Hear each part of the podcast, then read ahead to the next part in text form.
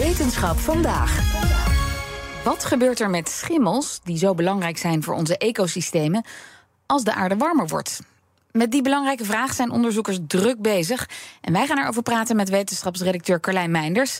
Hey Carlijn. Hoi. Misschien wel even goed om te weten over wat voor soort schimmels praten we dan? Ja, ik kan me voorstellen dat, dat er mensen zijn die denken... gaat dit soms over die nieuwe serie, The Last of Us? Oh, die nog niet gezien. zegt een onderzoeker namelijk dat... Uh, ja, er is nu één aflevering volgens mij online. Uh, daarin zegt dus een onderzoeker dat schimmels uh, de volgende epidemie worden. Dat ze door de opwarming van de aarde muteren. En dat het soort schimmels die nu van mieren zombies maken, die bestaan echt, dan ook mensen zouden kunnen infecteren. En vervolgens gebeurt dat dan ook in de serie. Mensen worden zombies.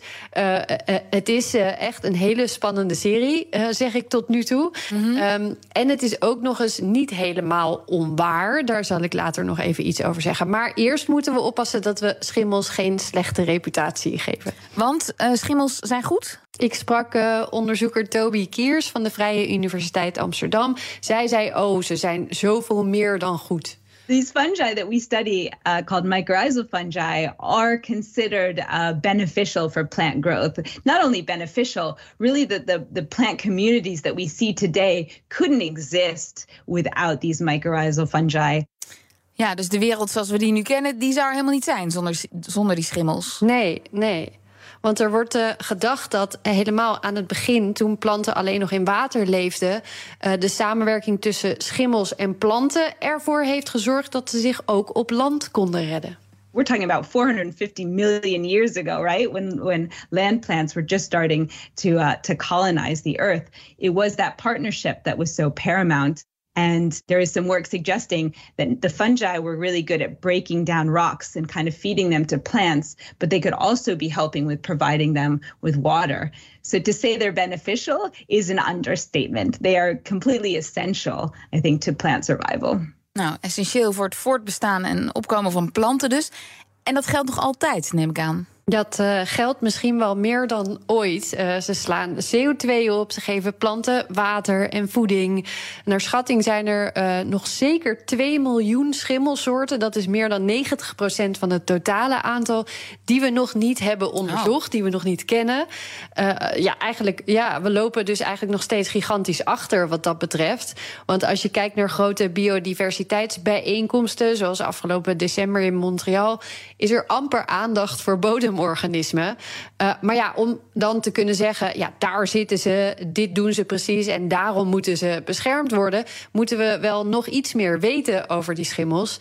Uh, nou is Kiers hoofdonderzoeker en uitvoerend directeur van SPUN, de Society for the Protection of Underground Networks. Hmm. Bestaat nu uh, een jaar en daarmee is ze druk bezig in kaart te brengen waar die hotspots nou zitten. We don't know that yet. So that's a the big initiative is trying to understand across the entire globe where the where's the Amazon of the underground.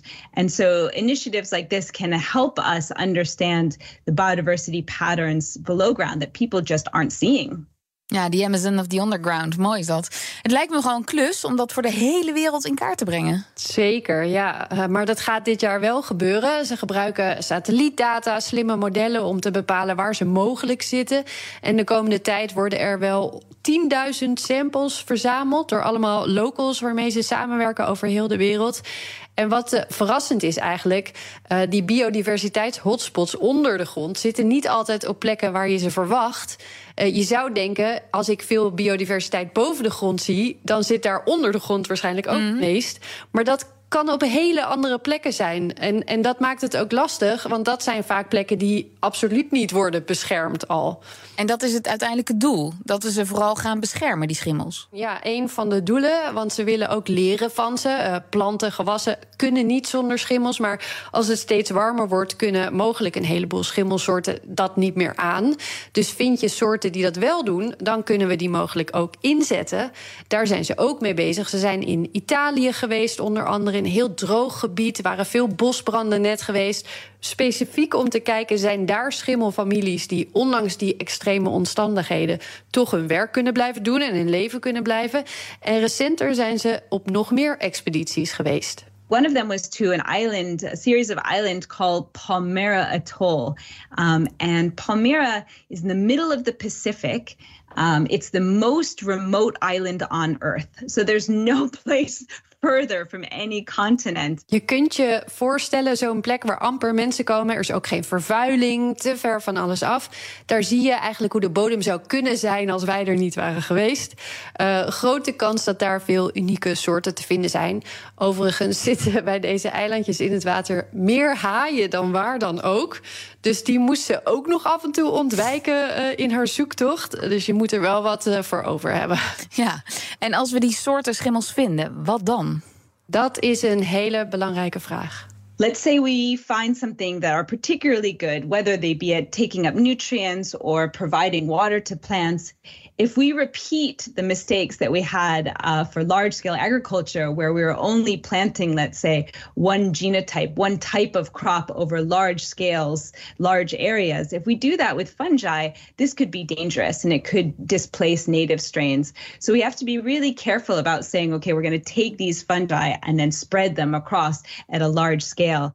Dus we moeten heel voorzichtig zijn met die schimmels om ze in ons voordeel te kunnen gebruiken. Ja, ja zoals wel vaker als wij mensen de natuur in ons voordeel willen gebruiken. Zelfs als het mogelijk blijkt en er zijn genoeg soorten die opwarming aankunnen, dan moeten we heel voorzichtig zijn in waar we ze in de bodem stoppen en ook welke soort waar. En kunnen we zelf nog wat doen? Even los van klimaatverandering, landbouw, hoe we ons tuinen inrichten en wat we in de natuur gooien, denkt Kiers dat er vooral ook een verandering in gedachtegoed nodig is.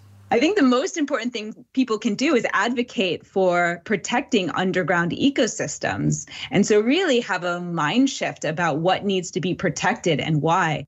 Ik zou bijna zeggen meer ondergrondactivisme, maar dat klinkt denk ik een beetje verkeerd. Uh, schimmels en andere organismen onder de grond hebben wel echt onze stem nodig. Denk je nu, yes, ik ben ook team bodemorganismen. Er is op 27 januari een vreedzame nachtmars in Amsterdam. Ik zal een linkje online zetten. Oké, nou nog heel even terug naar die serie. Uh, wat, wat, ja, kan een schimmel echt mensen in zombies veranderen? Hier zal ik nog even een aparte aflevering van maken, maar heel kort.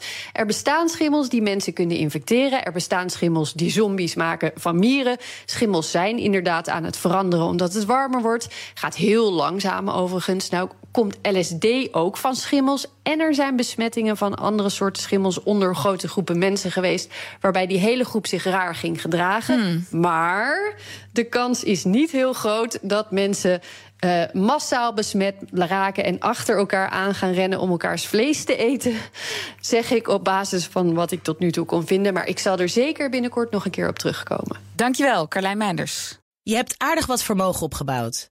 En daar zit je dan, met je ton op de bank. Wel een beetje saai, hè? Wil jij, als belegger, onderdeel zijn van het verleden of van de toekomst? Bridgefund is een slimme fintech die een brug slaat tussen de financiële behoeften van ondernemers en van beleggers. Dus wie belegt bij Bridgefund krijgt niet alleen een mooie vaste rente, maar brengt ook ondernemers in beweging. Echt waar. Met die ton kan je zoveel betere dingen doen. Bridgefund. Make money smile.